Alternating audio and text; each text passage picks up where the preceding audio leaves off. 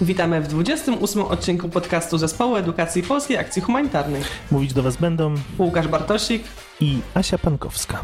Odcinek nazwaliśmy Emocje i liczby wokół mowy nienawiści. Posłużymy się w nim fragmentami nagrań z webinarów PACH serii Akademia Aktywistów i Aktywistek, a także raportami na temat tego zjawiska. Zastanowimy się także, jakie emocje i konteksty społeczne mogą karmić pogardę i nienawiść wobec grup mniejszościowych. Zaczynamy. Zawsze jak widzę, że jakiś jest warsztat, webinar czy spotkanie na temat mowy nienawiści, to podchodzę z dużym sceptycyzmem do tego, czy to będzie ciekawe. E, dlatego taki disclaimer na początku, że mam nadzieję, że, że nie popełnimy tych błędów, które mnie zniechęcają do tego tematu. A jakie to są błędy? To znaczy, że często mam wrażenie, że mowa nienawiści to jest takie słowo wytrych, żeby zrobić coś bardzo po łebkach, niepogłębione, nie pytające o powody, tylko takie moralizatorskie, że nie używaj mowy nienawiści, bądź tolerancyjna, yeah! I że często to jest takie, no właśnie z kategorii w ogóle mówienia, jacy mamy być i to najczęściej właśnie kierowane jest do osób, które i tak pewnie jakąś tam wrażliwość na ten temat mają. Albo takim właśnie kontekście szkolnym, na zasadzie dzieci, nie posługujcie się mową nienawiści, to jest złe. No i właśnie to, co dodałaś drugiego, to jest chyba e, w moim doświadczeniu częstsze, że, że po prostu to jest takie jednoznacznie złe, albo może tyle razy zostało nam opowiedziane jako jednoznacznie złe, że wiemy, że tak nie wolno robić, ale że są jacyś źli ludzie, którzy tak robią jeszcze. Czy ty będziesz bronić mowy nienawiści w tym podcaście? tak, będę bronić mowy nienawiści. Nie, będę na pewno chciał, żebyśmy sobie ją zniuansowali, zastanowili się w ogóle, czy jest sens o niej mówić. No i też zerknęli na dostępne badania w tym zakresie, zastanowili się, czy może ta sytuacja, która, którą mamy obecnie od eskalacji wojny w Ukrainie, coś zmieniła. To są różne pytania, które chodzą mi po głowie, natomiast też nie chciałbym, żeby ten nasz dzisiejszy odcinek y, o mowie nienawiści był taki jednostronnie moralizatorsko negujący wszystko, bo wiele jest jej odcieni i myślę, że wiele procesów za nią stoi. Niestety też ona często jest uwikłana według mnie w taką mm, rzeczywistość polityczną, że ten termin jest wykorzystywany jako atak, tak w stronach politycznych w jakimś stopniu i przez to y, mam wrażenie, że ta definicja mowy nienawiści się tak rozmyła. Także stara się ją y, odciąć od, tylko od tych grup marginalizowanych, dyskryminowanych, a po prostu używać jako nazywanie wszelkiej agresji, głównie wo wobec przeciwników jakiejś dyskusji, tak? Ogólnie mówiąc. Tak, bo to też warto zaznaczyć, że nie każda agresywna wypowiedź to mowa nienawiści. Tak samo jak przy dyskryminacji mówiliśmy o tym, że żeby to było dyskryminacją, to podbożem powinna być jakaś cecha osobista, przynależność do grupy etnicznej, kolor skóry, wyznania, religie i tak dalej, no to tutaj jest to samo. Znaczy, że e, jeżeli po prostu mamy agresywną wypowiedź wobec kogoś, to nie jest to z automatu e, mową nienawiści. Tu musi być też to podłoże kategoryzacji ludzi na jakimś podłożu większej kategorii właśnie, którą dyskryminujemy, wobec której mówimy tą mowę nienawiści. Te kryteria kategoryzacji ludzi to oczywiście te kryteria, do których często się odwołujemy, czyli kolor skóry, narodowość, przynależność etniczna, orientacja seksualna, wyznanie religijne, płeć, pochodzenie społeczne, czy pełno lub niepełnosprawność. To oczywiście nie wszystkie, ale głównym mianownikiem jest to, że jest to coś, co, co posiadamy jako ludzie i jest tak zwaną cechą prymarną, czyli po prostu jest częścią naszą tożsamości, z tym się urodziliśmy. To nie jest coś, co po prostu sobie wybieramy, y, bo mamy taką potrzebę czy chęć, tylko jest po prostu częścią nas. Tak i instytucja, która mi się najbardziej kojarzy w ogóle z tematem mowy nienawiści, no to jest Rada Europy. Ona ma dużo kampanii, przynajmniej w przeszłości miała, nie wiem czy wciąż je prowadzą, przeciwdziałających mowy nienawiści, tam różne takie też działania właśnie edukacji pozaformalnej i formalnej, akcji dla szkół, nie tylko. No i definicja, którą posługuje się Rada Europy, to jest mowa nienawiści to wypowiedzi, które szerzą, propagują i usprawiedliwiają nienawiść rasową, ksenofobię, antysemityzm oraz inne formy nietolerancji, podważające bezpieczeństwo demokratyczne, spoistość kulturową i pluralizm. Jak sobie myślę, że przy takiej definicji no to ciężko mieć w ogóle jakiekolwiek połączenie emocjonalne z tym, no bo sobie myślę, nikt chyba w tym świecie nie uważa, że jego poglądy podważają bezpieczeństwo demokratyczne, mhm. albo myślą sobie o tym w tych kategoriach swoich wypowiedzi, no bo to brzmi tak no, bardzo oderwanie od rzeczywistości. Myślę, że akurat ci, którzy posługują się mową nienawiści, zwykle robią to w imię bezpieczeństwa, żeby ochronić nas przed różnymi rzeczami i y, uwidocznić pewną, pewne zło, które czai się na świecie. Tak, ale chciałam też pozwolić sobie tutaj na inne zramowanie tego, które zaczerpnęłam z raportu Mowa Nienawiści, Mowa Pogardy, raport z badań przemocy werbalnej wobec grup mniejszościowych z Fundacji Batorego, która wyszła już ponad 5 lat temu, ale wciąż jest bardzo ciekawym e, źródłem na ten temat. Chyba najbardziej kompleksowym, jaki jest w tej chwili. Tak, i tam y, we wstępie jest y, zupełnie właśnie przeramowanie tego myślenia o mowie nienawiści, które dla mnie było bardzo y, zmieniające sposób myślenia. To znaczy, tu chodzi bardziej o pogardę, a nie nienawiść. Znaczy, oczywiście, jakby mowa nienawiści to jest po prostu termin, którego używamy wobec tego zjawiska, ale jakby na podłożu tego nie jest do końca uczucie nienawiści, tylko uczucie pogardy, ta emocja pogardy. I tu już wydaje mi się, że jest, jesteśmy dużo bliżej jakiegoś takiego wyobrażenia społecznego i emocjonalnej prawdy, jak sobie myślimy o tym, no tak, no jakby ludzie generalnie częściej pewnie mogą się złapać na tym, że czują pogardę do jakichś innych grup, czują e, poczucie wyższości, e, niż tak stricte, nie wiem, no, utożsamiać się z całą nienawiścią wobec tej grupy, no bo to, to nam się kojarzy, nie wiem, z nazizmem, z jakimiś takimi skrajnymi ruchami, a ta pogarda, no to to już jest coś, co, co przeciętny Kowalski pewnie prędzej może poczuć, na przykład oglądając jakieś wiadomości na jakiś temat i sobie myśląc, no właśnie, oni są tacy astracy, a ja jestem taki lepszy. Mhm. Na pewno mamy tak, że są takie wydarzenia, działania, które jednoznacznie możemy mówić o nich jako formie nienawiści. No, myślę, że przy różnych marszach, jakichś takich wydarzeniach e, powiązanych z agresją, hasłami, które odwołują się ewidentnie do, do jakiejś eksterminacji grupy, łatwo nam sobie y, je zidentyfikować, ale no, zgadzam się absolutnie tutaj z tym, co powiedziałaś, że jest dużo takich zniuansowanych komunikatów, które podświadomie albo mniej albo bardziej świadomie wiemy, że są agresywne, jakby formą mowy pogardy i w tym sensie według mnie nawołują do pewnej nienawiści, no ale właśnie nie w tym pierwszym spojrzeniu, nie? No bo właśnie to jest to, to Takie, że, że i one są zniuansowane. Wtedy zwykle, jeżeli uwidaczniamy taką sytuację, to ta osoba broni się, że nie ma złych intencji. Trudno to tak bardzo jednoznacznie udowodnić, więc yy, tu jest ogromny wysiłek wielu też organizacji pozarządowych, aktywistów, aktywistek, które często spędzają dużo czasu, aby na przykład w sprawach sądowych udowadniać e, tego typu sprawy. No i właśnie to, ta nie, nieoczywistość też może wynikać z tego, że one na pierwszy rzut oka mogą nie być e, agresywne, ale mieć w sobie ten pierwiastek właśnie tej pogardy nienawiści, który albo czegoś, co może prowadzić do, do e, agresji później. Znaczy, takie wypowiedzi jak przecież wszyscy wiemy, że grupa X jest głupsza, albo że wszyscy wiemy, że grupa Y kradnie, tak? No to są takie wypowiedzi, które no jakby nie są teoretycznie agresywne, jakby tak gramatycznie, ale y, no one w sobie mają y, znamiona mowy nienawiści w sensie takim, że bardzo jasno nacechowują negatywnie konkretną grupę i powodują niechęć, pogardy do tej grupy, nie? Że to jest jakieś takie bardziej na poziomie tego, co to w nas wywołuje, a nie tego, jak gramatycznie, czy tam jest wykrzyknik i przekleństwo w tym zdaniu. Tak, chociaż też y, od razu tak powiem, że nasuwa mi się oczywiście też taka granica. Musimy pamiętać, że, że jest cienka granica między też mową nienawiści, a jakąś stereotypizacją i y, wyrażaniem swoich uprzedzeń, tak? E, myślę, że oczywiście mm, jedno wynika z drugiego często. Mowa nienawiści najczęściej jest oparta o stereotypy uprzedzenia, ale oczywiście nie wszystkie będą od razu mową nienawiści.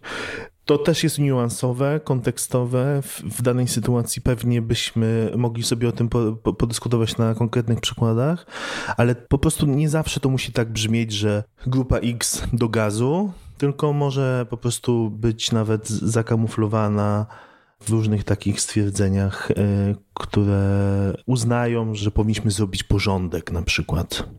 No, w tym raporcie, który już wspomniałam, Mowa Nienawiści, Mowa Pogardy, jest e, dużo ciekawych rzeczy, ale jedną z tych ciekawych rzeczy jest takie rozbicie na to, w jaki sposób, na jakiej podstawie, jakimi argumentami są obrażone dane gru, e, grupy mniejszościowe.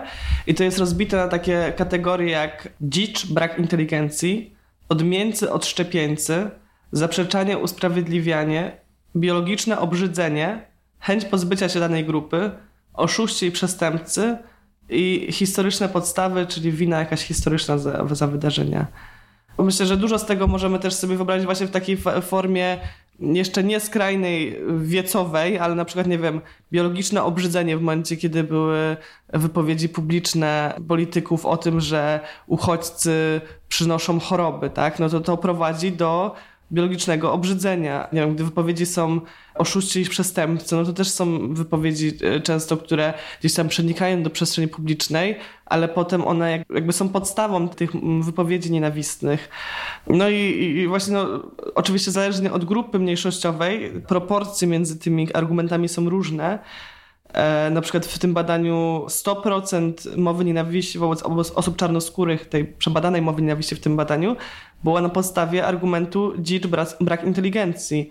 Kiedy na przykład, nie wiem, no, przy innych grupach już to było bardziej rozbite na różne podkategorie, ale no tutaj to zdecydowanie jakby opiera się na jednym takim argumencie, który oczywiście nie usprawiedliwiając tego, ale może wynikać rzeczywiście z jakiejś niewiedzy i tego ktoś w nas zaszczepił jakąś nieprawdziwą wizję świata i my nawet możemy w to wierzyć głęboko, myśląc, że to nie jest nienawistne, po prostu przecież tak jest. No, że wszyscy tak wiedzą, no przecież, nie wiem, no materiały, które ja oglądam, e, wszystko mi potwierdza tą tezę.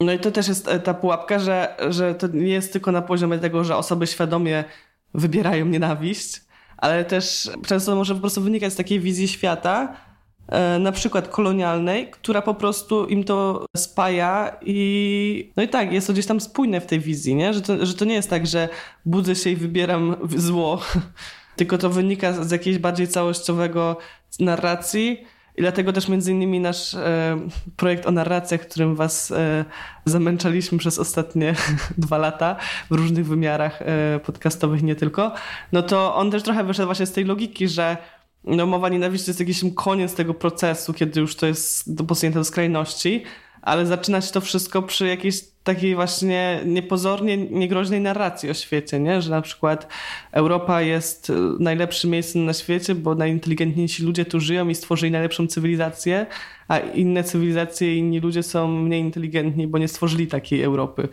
No i to jest jakiś w ogóle pierwszy krok, który jak pójdziemy tym marszem dalej, doprowadza nas wprost do tego, że mamy mowę nienawiści wobec osób czarnoskórych argumentowaną brakiem inteligencji, nie? Ja myślę, że, że też te narracje, o których y, mówimy, też na pewno doprowadzają często do, do mowy nienawiści. Mogą nawet nie doprowadzać, a jednak jej służyć, ale też mogą właśnie ją wspierać jakoś. Tak jak sobie myślę o takiej narracji, wszystkich tych metaforach napływu ludzi w kontekście migracji, no to gdzieś one one nie są może na pierwszy rzut oka mową nienawiści, ale są jakąś narracją, która wspiera takie przeświadczenie, że jest pewna grupa ludzi, która nam zagraża i powinniśmy się chronić przed nią.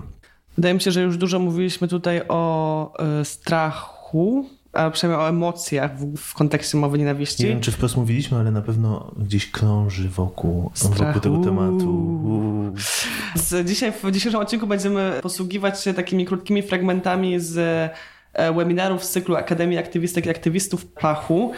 I pierwszy fragment, którego użyjemy jest z nagrania Gdzie rodzi się strach, gdzie gościnią była psycholożka Anna Cyklińska i ona nam teraz trochę powie właśnie o tym, jak to jest z tym strachem i lękiem. Tak naprawdę sam strach e, jest reakcją na wydarzenia, które dzieje się w tym momencie. Jest reakcją na coś, co nam się dzieje obecnie.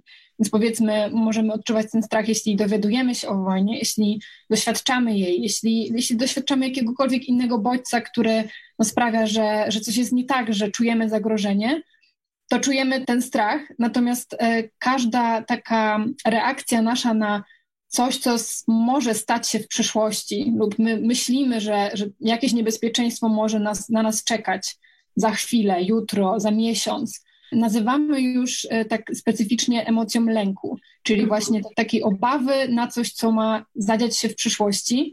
biologicznie to jest właśnie przedłużenie tej reakcji, dlatego e, na, na tym poziomie wewnętrznym to będzie podobny mechanizm. Natomiast e, na takim psychologicznym, czy też właśnie poznawczym poziomie, to już nie będzie taka krótkotrwała reakcja jakiegoś takiego wzbudzenia, przestrachu, tak? Może, nasze ciało może wtedy jakoś podskoczyć, czy jakoś zareagować. Ten lęk będzie już taką reakcją zamartwiania się, jakichś kłopotów z zasypianiem, kłopotów w ogóle z koncentracją, no bo jeśli nasze myśli cały czas błądzą i wyobrażają sobie różne scenariusze, często jakieś katastroficzne myśli, mhm. no to wiadomo, że, że to, co tu i teraz jest nam jest trudniejsze do uchwycenia. E, jestem pewna, że chociaż teraz zrobiliśmy to rozróżnienie na strach i lęk, pewnie w następnych wypowiedziach będziemy to ciągle mieszać, bo jednak w potocznej mowie to nie jest tak jasno podzielone jak w mowie psychologicznej, ale wydaje mi się, że warto w ogóle sobie zdać sprawę z tej różnicy, nie? Że, że strach to jest coś e, zupełnie innego niż lęk, znaczy może nie zupełnie, no ale jednak innego. No i że tak naprawdę to, co się dzieje w kontekście jakiegoś zarządzania mową nienawiści, tworzenia mowy nienawiści, wzbudzania mowy nienawiści, no to jest e, wzbudzanie lęku, no, nierealnego strachu, bo, bo najczęściej to nie jest realne zagrożenie najczęściej, nie po prostu nie jest, chyba zawsze nie jest e, realne zagrożenie, ale taki właśnie staje się w naszej głowie. I w tym kontekście polecamy badanie i raport e, Granice Nienawiści wydane przez Helsińską Fundację Praw Człowieka i to jest badanie, e, raport wydany w czerwcu 2022 roku, więc dość, dość świeże. E, no i ono właśnie porównuje głównie tą mowę nienawiści w mediach społecznościowych, ale też w kontekście w ogóle obu granic, które były w mediach bardzo obecne w zeszłym roku i wciąż są, może już trochę w mniejszym stopniu, czyli granicy polsko-białoruskiej, granicy polsko-ukraińskiej. Jak też właśnie to zarządzanie lękiem, stwarzanie lęku przed nieproporcjonalnie mniejszą grupą na granicy białoruskiej miało zupełnie inne konsekwencje w nastrojach społecznych niż zupełnie inna narracja, zupełnie inne emocje, które były wywołane e, w kontekście granicy polsko-ukraińskiej. I oczywiście są tam inne konteksty też, które wpływają na to, ale jednak no, wydaje mi się, że nie da się ukryć, że ta narracja lęku jest tutaj bardzo dużym komponentem, który wpływa na całość reakcji i w ogóle też tego właśnie, jak się, jak się potem Polki i Polacy stosunkują do tego, co tam się dzieje. Ja też mam wrażenie, że to jest taki drugi epizod, a może nawet drugi epizod to sugeruje, że coś y, sporadycznego, ale drugi rozdział mowy nienawiści wobec uchodźców. Y, ten pierwszy dał taki grunt, ten z 2015 roku, taki grunt, te wypowiedzi, które pojawiały się tam w kontekście osób, y, które starały się dostać do Europy od południa. To była taka pierwsza wielka debata o tym. Y, natomiast teraz y, mieliśmy drugi rozdział, który był bliżej nas, był bardziej może zniuansowany dzięki temu dla nas, ale skorzystał w dużej mierze no, z tych samych na przykład y, sposobów. Jednym z takich trików językowych, który był stosowany, to na przykład zamienianie słowa uchodźcy na nachodźcy ten raport jest próbą ujęcia właśnie tego zjawiska mowy nienawiści w internecie, no bo faktycznie może tego też nie powiedzieliśmy tak wprost, ale e, internet jest bardzo podatnym podłożem do, i szczególnie e, społecznościowe różne portale do e, szerzenia mowy nienawiści. Jest to w ogóle też temat, który od czasu do czasu pojawia się w przestrzeni publicznej, jak z tą mową nienawiści walczyć. Nieraz dosyć przewrotny sposób. No, jest to zwykle dyskusja o prawie do wolności wyrażania swoich poglądów i wolności słowa. No, w kontekście Twittera i Facebooka najczęściej słyszymy o tym, o ograniczeniach z tym związanych, jakichś blokadach, które później są znoszone itp. No ale to chyba też się łączy bardzo z tym, że, że jakby przyzwolenie na mowę nienawiści się zwiększa, kiedy nie ma reakcji na nią. Nie? Jak ktoś wypowiada się nienawistnie publicznie, no to nawet jeżeli nie wszyscy, no to ktoś go skrytykuje za to, więc jest jakaś reakcja. Jeżeli ktoś, nie wiem, posługuje się mową nienawiści w szkole, no to miejmy nadzieję, że też jest jakaś reakcja. No a w mediach społecznościowych jest tak dużo przestrzeni, że trochę jakby no jesteśmy skazani na to, że nie będzie reakcji na każdą mowę nienawiści, po prostu jest zbyt duży nakład tego materiału, którym nie wiem, musiałby być jakieś zatrudnione tysiące osób, które nie robią nic innego, tylko reagują. I oczywiście jakby są te mechanizmy usuwania, ale nie ma takiego mechanizmu niezgody publicznej, kontrnarracji, nie? Jakby... No ale ja mam chyba jednak takie y, przeświadczenie, że taki mechanizm w ogóle, który stoi u podłoża mediów społecznościowych, to on decyduje o tym, że ona się szybko rozprzestrzenia, bo te posty są no, w moim odczuciu może nie takie jasno nienawistne, ale takie zakamuflowane, takie mrugnięcia okiem albo jakieś tam wykropkowane, wygwiazdkowane Y, bardzo szybko powodują emocjonalne dyskusje na Facebooku, na przykład, no, najczęściej tutaj tego doświadczam i to po prostu pozwala być bardziej widocznym y, danej treści. No to mi się wydaje, oczywiście to jest tylko gdzieś tam moje przeczucie, nie, nie mam na to badań, że to są jakieś skrajne przykłady, i one jednak no, mają jakiś y, mechanizm właśnie, że nie można zgłosić, można usunąć, a że bardziej jest tak, że, że właśnie jest dużo takich rzeczy, które po prostu przechodzą bez echa, nie, w sumie teraz nie wiem, czy się z tą zgadzam, czy nie zgadzam. no, chodzi mi o to po prostu, że jest taki efekt zbitej szyby opisany przez psychologów. To była teoria w Nowym Jorku, że jak były takie czasy tam 10 lat temu, że Nowy Jork był bardzo brudny, zaniedbany, wszędzie były stłuczone szyby, brudne ulice, metro zdemolowane i to psycholodzy stwierdzili, że to jest ten efekt zbitej szyby, że skoro jakieś drobne przestępstwa przechodzą bez konsekwencji, to ludzie pozwalają sobie na coraz więcej. I właśnie, że tam jakiś nowy burmistrz stwierdził, że zacznie od tych zbitych szyb i każda zbita szyba będzie naprawiana. I oczywiście można się zastanawiać, na ile te to badania... romantyczna historia, naprawdę. No można się zastanawiać, na ile to jest um, rzeczywiście jakaś narracja stworzona wokół tego, a na ile naukowy dowód, ale niemniej no, funkcjonuje to jako efekt zbitej szyby, który na pewno występuje właśnie w kontekście takiej e, mowy nienawiści. To znaczy, że jeżeli, nie wiem, jest taki nastolatek, który sobie pozwala na jakieś heheszki w internecie i nikt nie reaguje, to pozwala sobie na coraz więcej.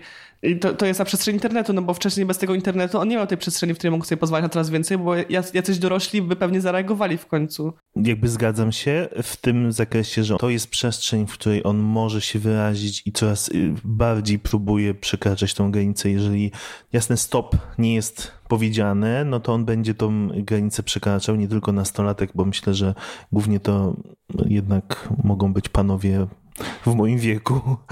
Natomiast... Ale przynajmniej zgadzamy się, że panowie. tak, to zresztą w jednym z tekstów, które czytaliśmy tutaj przed podcastem, było powołanie się na, na raport. Chyba tak, to był ten sam raport, o którym ty, Asia, mówiłaś. Yy, mowa nienawiści, mowa pogardy, który też ilościowo sprawdził, że to faktycznie mężczyźni częściej posługują się mową nienawiści. W Polsce przynajmniej posługiwali się nią kilka lat temu, bo tak wtedy jest, było robione badanie. Natomiast ja mam takie poczucie, że mimo wszystko y, internet daje przestrzeń do bycia widocznym dzięki tej mowie nienawiści. Znaczy może nie bezpośredniej mowie nienawiści, ale komunikatom, które de facto są zakamuflowaną formą mowy nienawiści. I że po prostu dzięki temu często ludzie są widoczni. I też mam wrażenie, że to jest też taka chęć wyrażenia jakichś obaw, lęków, która, y, no teraz będę starał się być empatyczny wobec tych wszystkich osób, desperacka wręcz powiedziałbym, tak, ale na którą internet jest podatnym gruntem, tak, jest, y, jest żyzną glebą, tak bym powiedział. Y, na chwilę odeszliśmy od tego raportu, bo ja chciałem jeszcze zaznaczyć, y, bo kilka, wydaje mi się, ważnych wniosków z tego raportu warto tutaj przekazać w takiej skrótowej formie. Oczywiście zachęcamy do przeczytania. Ten raport w ogromnej większości jest zbudowany na treściach z Twittera. Twitter, jak wiemy, jest bardzo takim dynamicznym medium społecznościowym, często też y, no, generującym dużo treści, no i przede wszystkim bardzo opiniotwórczym. Może też warto zaznaczyć, że są badania sprzed Elona Muska Twittera. No bo ten Twitter obecny, wiadomo, jest innym Twitterem.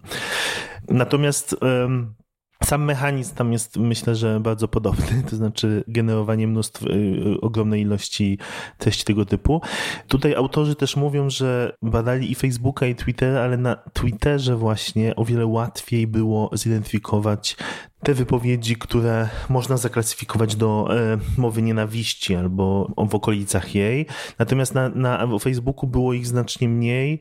Tu była taka teza między innymi, że one się dzieją zwykle może w zamkniętych grupach, etc., nie tak bardzo otwarcie. ale z ponad miliona w ogóle wpisów, które tam sobie zidentyfikowali na Twitterze, wybrali ponad dwa tysiące i je analizowali, to w kontekście właśnie tej sytuacji uchodźczej, najpierw na e, granicy polsko-białoruskiej, a później na granicy polsko-ukraińskiej.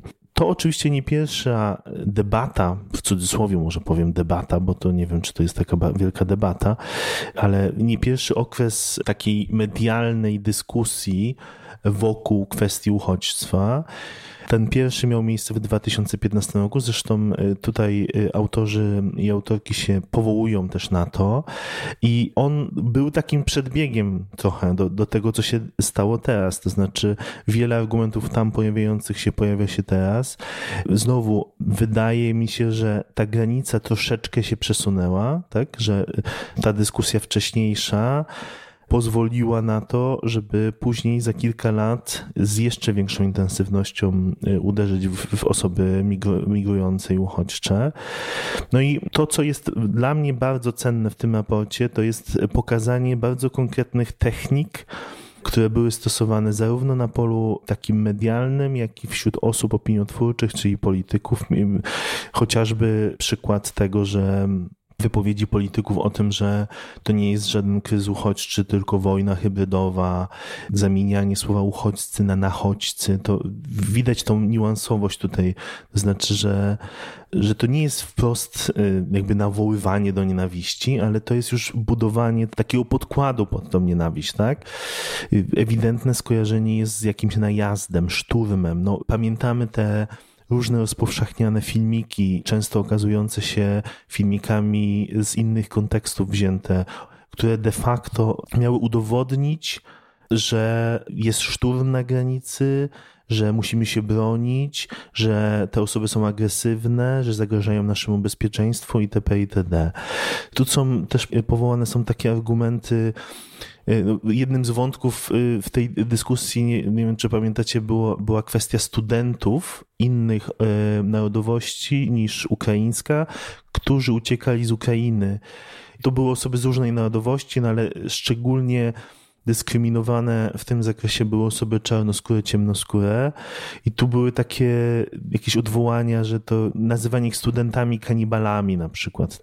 No, tak, takie totalnie wydające się ab abstrakcyjną rzeczą, ale odwołujące się bardzo do tej, do uczuć naszych, do lęków i do skojarzeń właśnie. Wydaje mi się, że tu na przykład na tym przykładzie widać to oczywiście dalekie skojarzenie, a jednak z tą dzik, dziczą, dzik, dzikością, tak? O której ty Asia mówiłaś na początku w tym raporcie. No też mi się wydaje, że to badanie, ale w ogóle ten kontrast między tymi narracjami e, wobec dwóch granic, ale też właśnie tych osób z Ukrainy, z krajów trzecich, pokazuje, że to naprawdę nie chodzi o niechęć wobec samych uchodźców, uchodźczych, migrantów, migrantek, tylko że często to jest jakaś ukryta nienawiść, pogarda do innej grupy pod tym przykryciem, znaczy zależnie skąd są te osoby, no bo oczywiście są osoby, które też posługują się mową nienawiści wobec osób z Ukrainy, ale w porównaniu do tego, jak dużo osób posługuje się mową nienawiści wobec innych narodowości, z której pochodzą uchodźcy, uchodźczynie, no to jest w ogóle nie, nieporównywalna skala, nie? I to pokazuje, że tak naprawdę to nie chodzi o sam ten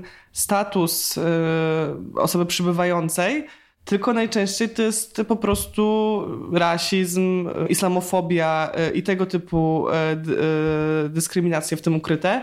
Mam przed sobą też kolejny raport, jesteśmy dzisiaj po prostu mistrzami raportów, mistrzyniami. Raport Fundacji Afryka Inaczej, E, raport nazywa się Afryka po polsku i wyszedł też e, całkiem niedawno, bo w sierpniu tego roku. I tam jest wprost pytanie, czy zgadzasz się z trzema zdaniami, które właśnie mówią o lęku wobec, e, wobec różnych grup. I jedno pierwsze pytanie jest: imigranci z państw muzułmańskich stanowią zagrożenie terrorystyczne. I 44% badanych zgadza się z tym. Na pytanie obawiam się, że, jak do Pols- że jeśli do Polski przyjadą imigranci z Afryki, to będą często łamać prawo. 33% osób zgadza się z tym. Obawiam się, że imigranci spoza Europy mogą przenosić groźne dla nas choroby i pasożyty. I tutaj mamy e, szybkie liczenie 32%. Zliczałam tego, zdecydowanie się zgadzam i raczej się zgadzam jak coś. Więc e, no to są duże liczby oparte na tym lęku, tak? No bo boimy się chorób pasożytów, łamania prawa, czyli jakiejś przestępczości, czyli zagrożenia wobec nas pewnie w jakimś stopniu. No i zagrożenia terrorystycznego, nie? Jakby to są stricte lękowe sytuacje, ale tutaj właśnie jakby jeszcze powiązane z konkretnymi grupami, nie? Że w tym samym badaniu jest pytanie takie bardzo klasyczne, badanie postaw, znaczy czy miał, miałby pan, pani coś przeciwko, żeby pani sąsiadem, sąsiadką była osoba o danej tożsamości, bądź zięciem lub synową byłaby ta osoba.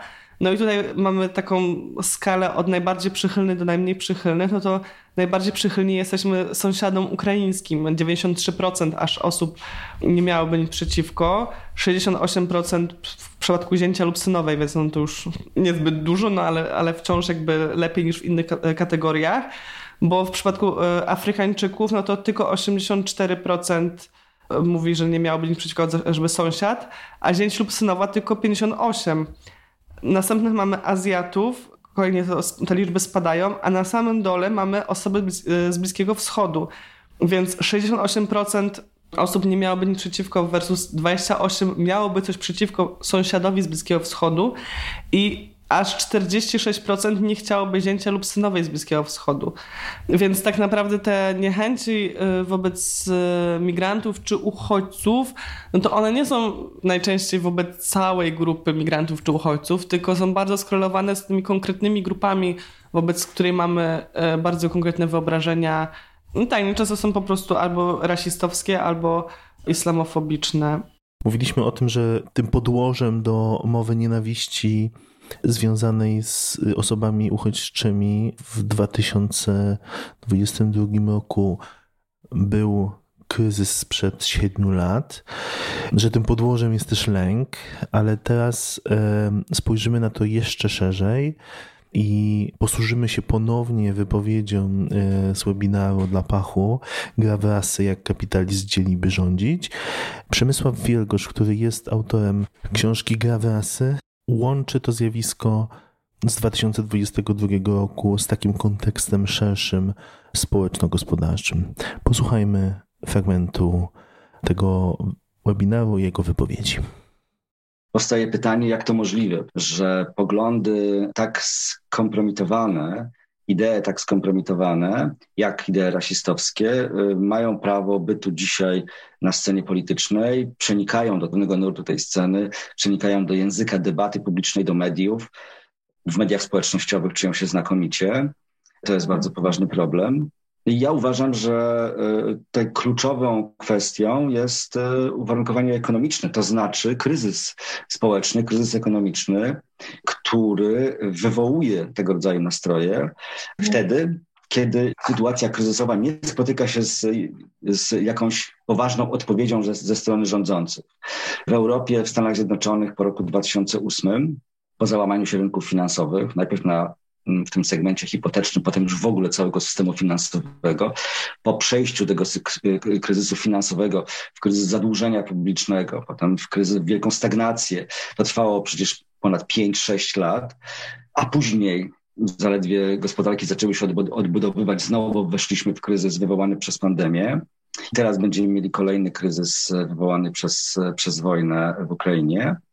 E, no więc cała ta sekwencja, która trwa już kilkanaście lat, E, nie spotkała się jak dotąd z odpowiednią odpowiedzią ze strony i rządzących w Stanach Zjednoczonych, i w Unii Europejskiej, i w poszczególnych krajach europejskich. Raczej starają się zarządzać tym kryzysem, tak żeby nie usuwając jego strukturalnych przyczyn, E, zachować istniejący układ, układ sił społecznych, ekonomicznych, politycznych. No, efekty są dramatyczne, bo w efekcie takiego zarządzania kryzysem narastają frustracje, narastają też podstawy materialne takich frustracji społecznych, czyli, czyli narastają nierówności, e, narasta pauperyzacja coraz większych grup społecznych, destabilizacja, czyli brak poczucia pewności, brak poczucia, brak możliwości zaplanowania sobie życia, No i to wszystko razem wzięte, zmieszane jeszcze z kryzysem klimatycznym, z konsekwencjami wojen wzniecanych przez kraje zachodnie na globalnym południu, czyli z napływem uchodźców y, z tych krajów, które zostały przez kraje zachodnie zaatakowane, y, były okupowane, stabilizowane, w różny sposób to nazywano w ciągu ostatnich 20 lat, to wszystko razem stworzyło warunki, w których społeczny gniew, który zwykle się pojawia w takich sytuacjach, kiedy rządzący nie radzą sobie ze skutkami własnej polityki, e, zaczął się przeradzać, przeradzać w bardzo groźną frustrację skierowaną wobec e, różnego rodzaju kozłów ofiarnych. To jest jakby według mnie wytłumaczenie, dlaczego po 2008 roku Także w Polsce zaczęła narastać niechęć do e, różnych grup migrantów, do różnych grup mniejszościowych. Zaczęła rosnąć liczba aktów przemocy o charakterze rasistowskim, szowinistycznym tego rodzaju siły polityczne zaczęły być obecne w debacie, jak już wspominałem. No i to jest jakby coś, co bardzo mocno wybuchło w 2015 roku, w czasie który nazwano kryzysem uchodźczym, ja uważam, że to nie był, nie był kryzys uchodźczy, bo pamiętajmy, że dzisiaj w Polsce mamy 3 miliony uchodźców z Ukrainy i uchodźczyń. Wtedy cała Europa została w cudzysłowie zalana zaledwie milionem e, mhm. uchodźców z Bliskiego Wschodu, przede wszystkim z Syrii, Libii, Jemenu, Iranu, Afganistanu. No więc e, to, to była sytuacja zupełnie nieporównywalna z tym, co mamy dzisiaj, ale reakcja na to też była kompletnie nieporównywalna, bo ile dzisiaj mamy otwarte granice i bardzo dobrze dla uchodźców z Ukrainy, to wtedy dla tych kilkuset tysięcy e, ludzi, którzy próbowali przedostać się do Europy przez Morze Śródziemne, granice zamykano, e, wprowadzano różnego rodzaju obostrzenia, w efekcie których tysiące z nich zginęły w Morzu Śródziemnym i w efekcie których także e, rozkręcono coś w rodzaju paniki moralnej, histerii antyuchodźczej, która przysłużyła się skrajnie prawicowym siłom politycznym, ale przede wszystkim bardzo zatruła życie publiczne, życie społeczne, debatę publiczną w krajach, w wielu krajach europejskich, także w Polsce. No i przyczyniła się też do, do, do wzrostu nastrojów, które nazywamy szowinistycznymi, nacjonalistycznymi, rasistowskimi. No i tutaj widzimy pięknie, jak e, strach i lęk e, może być też zupełnie innego narożnika. To znaczy, nie musi to być taki strach czysto o fizyczne bezpieczeństwo, czy o, nie wiem, o terroryzm, terroryzm zdrowie i tak dalej, to może być też taki strach ekonomiczny. To znaczy, są ciężkie czasy, mamy niepewność, e, niestabilną sytuację ekonomiczną.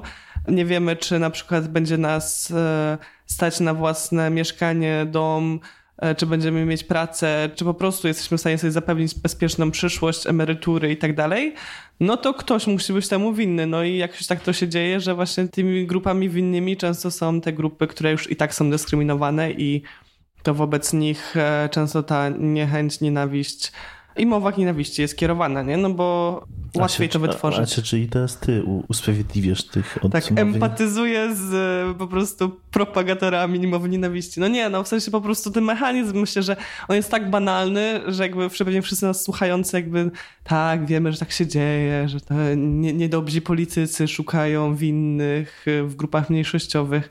No i to jest jakiś tam banał, no ale banał też po prostu dlatego, że jest bardzo prawdziwy i że ma odzwierciedlenie i, w, i w historii, i po prostu w współczesności.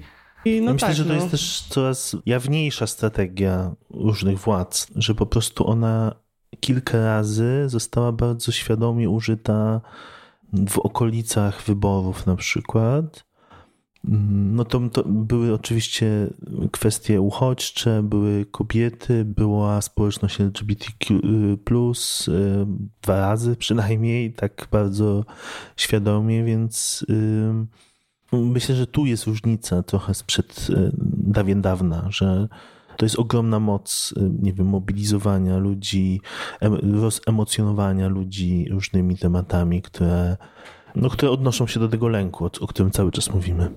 No i oczywiście tutaj bardzo trafnie zauważy, że te grupy są różne. My też z racji naszego profilu podcastowego i zainteresowań zawodowych gdzieś tam koncentrujemy się wokół szczególnie no, rasizmu, grup etnicznych, yy, islamofobii i tak dalej, no bo to jest po prostu nam gdzieś tu blisk, bliskie jakby tej tematyce, którą się zajmujemy w edukacji globalnej, ale też dlatego, że to jest, mam wrażenie jednak też często taka grupa, która ma najmniej przestrzeni, żeby sama się bronić, no bo kobiety, oczywiście dzieją się różne rzeczy okropne, ale jednak no, są, są też te kobiety, które to odpowiadają, nie? A często mniejszości e, migranckie, uchodźcze nie mają tego dostępu do, do przestrzeni publicznej, do opowiadania się. I tu szczególnie jakby to też jest łatwe zamówienie w, jakby za nich i w ich imieniu i kreowanie tej e, wyobrażeń, no bo o ile pewnie jeszcze pięć lat temu większość z nas e, nie zdawała sobie sprawy, że mieszka wokół, albo po prostu nie mieszkała wokół osób o innej narodowości, no teraz ta sytuacja się już trochę zmieniła. No i wraz z tym doświadczeniem, tu są we mnie zawsze dwa wilki, no bo z jednej strony jakby...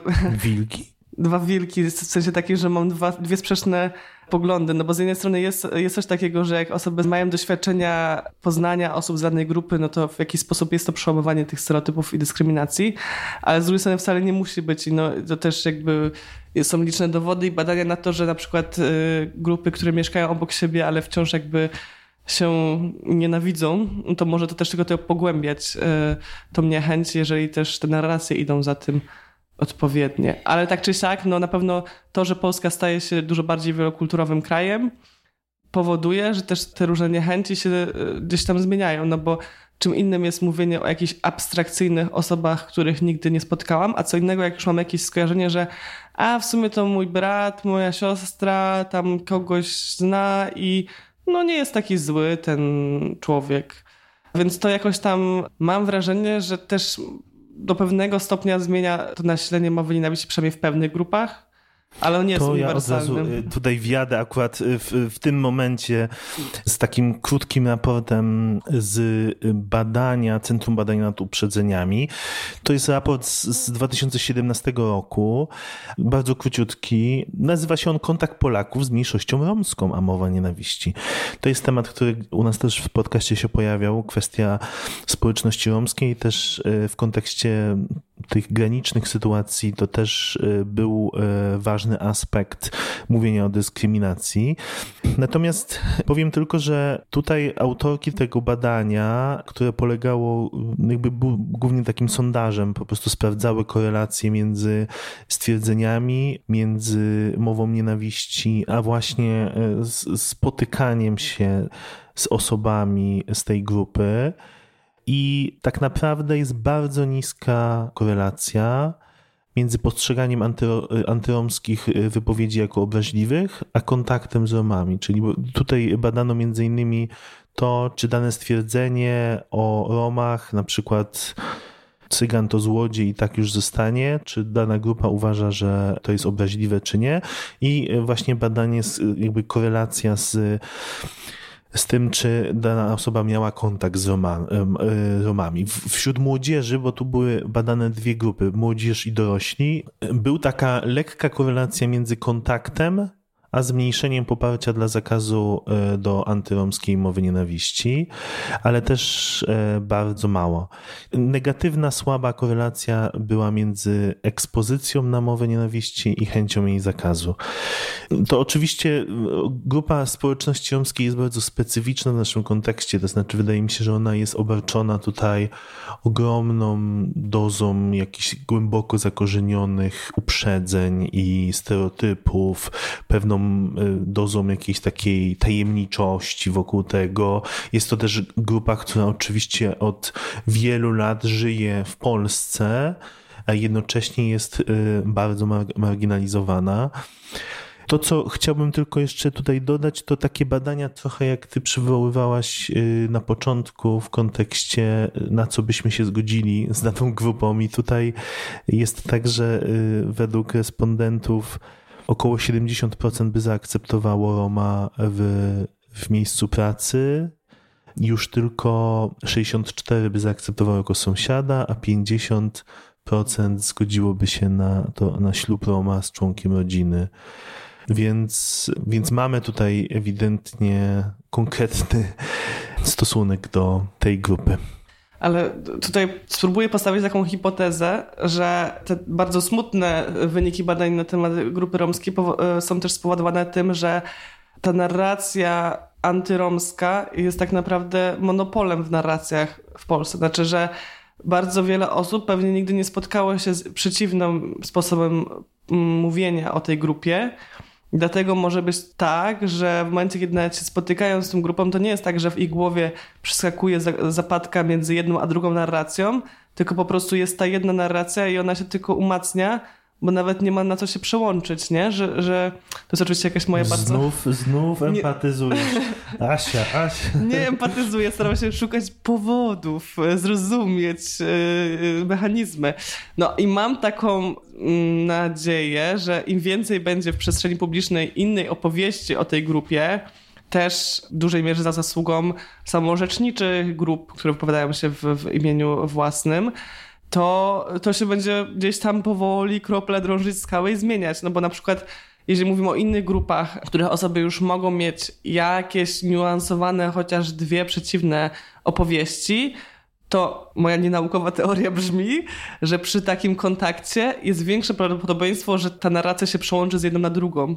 Ale jak nie ma na co się przełączyć, no to tylko potwierdzamy to, co wiemy, no bo e, szukamy uzasadnienia tego, co, jaki obraz świata mamy. Czyli potrzebujemy kontynuacji. Tak, zawsze potrzebujemy. Produkowania ich, jak największej ilości kontynuacji. Żebyśmy mieli na co się przyłączyć. No i właśnie o tym powie nam w trzecim i ostatnim e, fragmencie webinaru pachowego w tym podcaście Tomasz Stawiszyński, filozof, publicysta, on wypowiadał się w takim webinarze pod tytułem Nienawidzę, czy zbiorowy strach i niewiedza rodzą nienawiść? No i posłuchajmy tego fragmentu.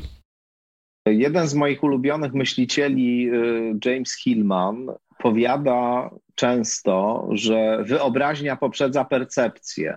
Mhm. To znaczy, że najpierw jest wyobraźnia, a potem jest y, to, co oglądane przy pomocy pięciu zmysłów, czy raczej, że wyobraźnia jest takim filtrem, czy nawet formą, strukturą, poprzez którą my rzeczywistość widzimy i, i spostrzegamy. I to bardzo jest e, a propos tego, o czym pani powiedziała, dlatego że e, pojęcia, słowa, idee, teorie poprzedzają nasz sposób doświadczania rzeczywistości mhm. czy dostrzegania rzeczywistości, stanowią rodzaj e, nie tyle filtra, ile właśnie pewnej formy, e, w której e, my rzeczywistość e, oglądamy. I dlatego właśnie język czy dostęp do, mm, do mas poprzez propagandowy przekaz to jest coś takiego, co właściwie każda władza, zwłaszcza władza totalitarna, stawiała na pierwszym miejscu, co było absolutnym priorytetem, co było jednym z fundamentalnych celów właśnie. I to oczywiście w XX wieku zostało podniesione do rangi no już czegoś absolutnie dominującego dzięki rozwojowi technologii informacyjnych, ale y, myślę, że człowiekiem, który niewątpliwie to dobrze rozumiał, czy ludźmi, którzy to bardzo dobrze rozumieli, no to byli architekci straszliwych zbrodni XX wieku, Goebbels, Lenin, Hitler, Stalin.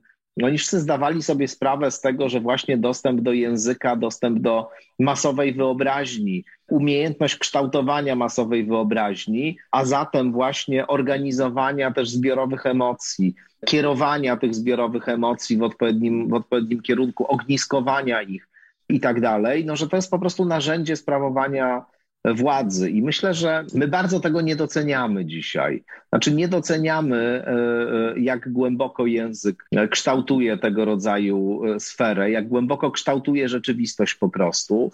Z drugiej strony, często wydaje mi się, że, że podchodzimy do tego w sposób nadmiarowy, paradoksalnie. To znaczy, myślę, że w różnych takich tendencjach do tego, żeby z kolei kodyfikować żeby w sposób niezwykle e, represyjny kształtować sposób mówienia, co dzisiaj mamy z kolei po stronie takiej lewicowo-liberalnej, mhm. też jest rodzaj jakby niedoceniania tego, jak e, nieoczywistą, złożoną, zróżnicowaną e, sferę język stanowi i jak niebezpieczne są takie operacje mm, arbitralne na, na języku właśnie.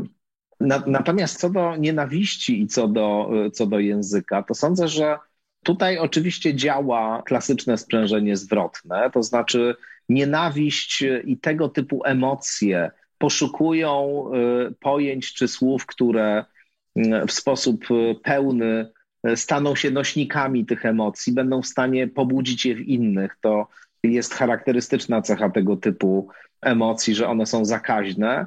Z drugiej strony, kontakt z takimi słowami, czy jakby umiejętnie zbudowany przekaz, który jest w stanie poruszyć pewne struny w nas, właśnie, może wytworzyć tego typu emocje niejako z niczego. To znaczy, ma rzeczywiście tą siłę, o której, o której mówiliśmy. Dobrze napisany tekst propagandowy, mhm.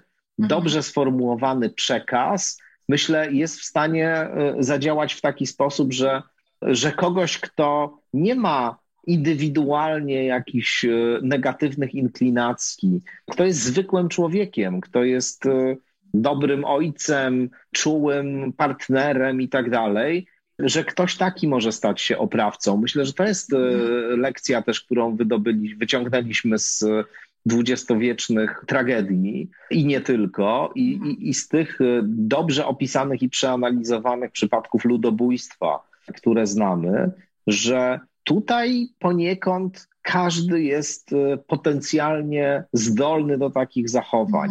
Mhm. Myślę, że często o sobie myślimy jako o tych, którzy absolutnie nigdy czegoś takiego by nie zrobili, mhm. którzy nigdy w żadnym razie i w żadnym sensie E, tak by się nie zachowali. Tymczasem, no właśnie o to chodzi, że nikt tak zasadniczo o sobie nie myśli. Bardzo rezonuje ze mną ta wypowiedź Tomasza Stawiszyńskiego, ponieważ y, jest bliska mojemu postrzeganiu tej sytuacji też, że my często łatwo nam się zdystansować do mowy nienawiści. Zresztą sami chyba zrobiliśmy to na początku, mówiąc, że często mamy jakąś, jakąś blokadę w tym temacie i wizję, jak, jak ona jest przedstawiona. Nie, nie, nie z tematem, tylko z tym, w jaki sposób on jest omawiany. Tak. Oczywiście, niuanse. Natomiast myślę o tym sobie jako o takim nasiąkaniu pewnymi treściami cały czas, które bardzo delikatnie przesuwają granice i faktycznie to, że my w dużej mierze często nie zauważamy tego momentu, z którego przechodzimy po prostu z, z tych dobrych intencji tak zwanych, z tłumaczenia sobie świata itp., do tej sytuacji, w której y, wyrażamy się w sposób nienawistny o grupach, tłumaczymy ich y, jakieś nasze y, sytuacje ich obecnością. No i dlatego też w moim przekonaniu ta mowa nienawiści wciąż istnieje, wciąż jest ta grupa, która nią się posługuje. No i też wydaje mi się, że pułapką jest to, że te grupy mogą być inne niż no, te, które my wskazywaliśmy w tym webinarze wobec naszej bańki, ale wciąż ta nienawiść może występować tylko po prostu do zupełnie innych podgrup społecznych. No i oczywiście jakby, jakby definicja mowy nienawiści, przynajmniej ta instytucjonalna, zakłada te grupy mniejszościowe tak właśnie zdefiniowane, jak w jaki sposób o tym mówiliśmy, ale równie dobrze można, nie wiem, odczuwać nienawiść i wobec osób o przeciwnym światopoglądzie, tak? Albo o właśnie osobach, które są nietolerancyjne, więc pogardzamy nimi. No tutaj już w ogóle dużo cienkich granic między tolerowaniem nietolerancji i w ogóle tam bla bla bla, ale jest gdzieś tam taka czerwona lampka pod tytułem, czy my mm, jesteśmy otwarci i akceptujący tylko dla tych grup, które właśnie w naszej bańce są, jakby trzeba być otwartym i akceptującym, czy coś nam wypada poza nawias, czy może nam tu coś umyka. No i też poza tym, że oczywiście na, na poziomie deklaratywnym możemy być otwarci i akceptujący, no to jeszcze są te wszystkie warstwy gdzieś tam nierozpakowanych wewnętrznych uprzedzeń, które mogą też się gdzieś tam w ten sposób yy, okazywać. No i to, to badanie, to dużo badań tutaj przywoływaliśmy dzisiaj. Nieprzypadkowo często w tych badaniach jest to pytanie o to, czy miał być coś przeciwko, miała być coś przeciwko, gdyby ktoś był twoim sąsiadem, sąsiadką, albo właśnie wrzenił się w twoją rodzinę, no bo to pokazuje, wiecie, no jedno, że tak, no nie przeszkadzają mi, mogą gdzieś tam być, a drugie, czy mogą być e, częścią mojej rodziny, nie? No to już jest w ogóle zupełnie inna rozmowa. Tolerowanie czy akceptacja? Tak. Albo część społeczności. Bo jak wiemy, tolerowanie to za mało. I tym kończymy nasz e, kolejny 28, jeżeli dobrze liczę, odcinek podcastu Tolerancja to za mało. Mam nadzieję, że nie było moralizatorsko. Na pewno wiele razy y, tutaj poszukiwaliśmy przyczyn i różnych kontekstów i empatyzowaliśmy z różnymi grupami. Zdajemy sobie absolutnie sprawę, że to tylko cząstka dyskusji o mowie nienawiści. Tak jak Kasia powiedziała, skupiliśmy się z uwagi na nasze zainteresowania i dostęp do, do różnych y, doświadczeń, y, raportów na tych grupach, które są y, obiektami mowy nienawiści z uwagi głównie na kolor skóry czy status migracyjny. Ale oczywiście jest wiele grup innych, które także w taki sposób, które doświadczają po prostu mowy nienawiści. Jest też według mnie duży aspekt takiego mówienia o mowie nienawiści w takim stricte prawnym charakterze, to znaczy jak chronić te osoby, albo jak one mogą się bronić w kontekście doświadczania mowy nienawiści, jak ją udowadniać, jak ją e, niwelować w przestrzeni publicznej itp. itd. Więc to są różne wątki, których oczywiście tutaj nie poruszyliśmy, ale jednocześnie zachęcamy do tego, aby zgłębiać ten temat. Może temu posłużyć e, specjalna platforma Polskiej Akcji Humanitarnej pach.org.pl ukośnik dom. Tam więcej materiałów e, wokół tematu mowy nienawiści. E, zachęcamy Was także do obejrzenia całości tych webinarów, o które wspomnieli, wspomnieliśmy w podcaście, czyli tych trzech, ale jest ich trochę więcej i zgłębiają w różnych aspektach właśnie ten temat. E, możecie je znaleźć wszystkie nagrane i na Facebooku Polskiej Akcji Humanitarnej i na YouTubie. Tak, w, w, opisie tego odcinka pewnie będziecie wyjątkowo dużo linków, bo też podlinkujemy Wam te wszystkie e, raporty i badania, o których wspomnieliśmy. Trochę ich było, ale myślę, że to ciekawa lektura, więc polecamy serdecznie. No a też może trochę usprawiedliwiając nas, że nie weszliśmy głęboko w każdą grupę, to też oczywiście po prostu technicznie jest niemożliwe w takiej rozmowie, ale trochę no, różne odcinki naszego podcastu są próbą tego i, i będziemy też na pewno w przyszłości starali się e, kolejne tematy poszerzać i kolejne grupy adresować. Tak, ja szczególnie polecam ten odcinek o Romach i Romkach. Tak, dzięki bardzo i do usłyszenia. Do usłyszenia.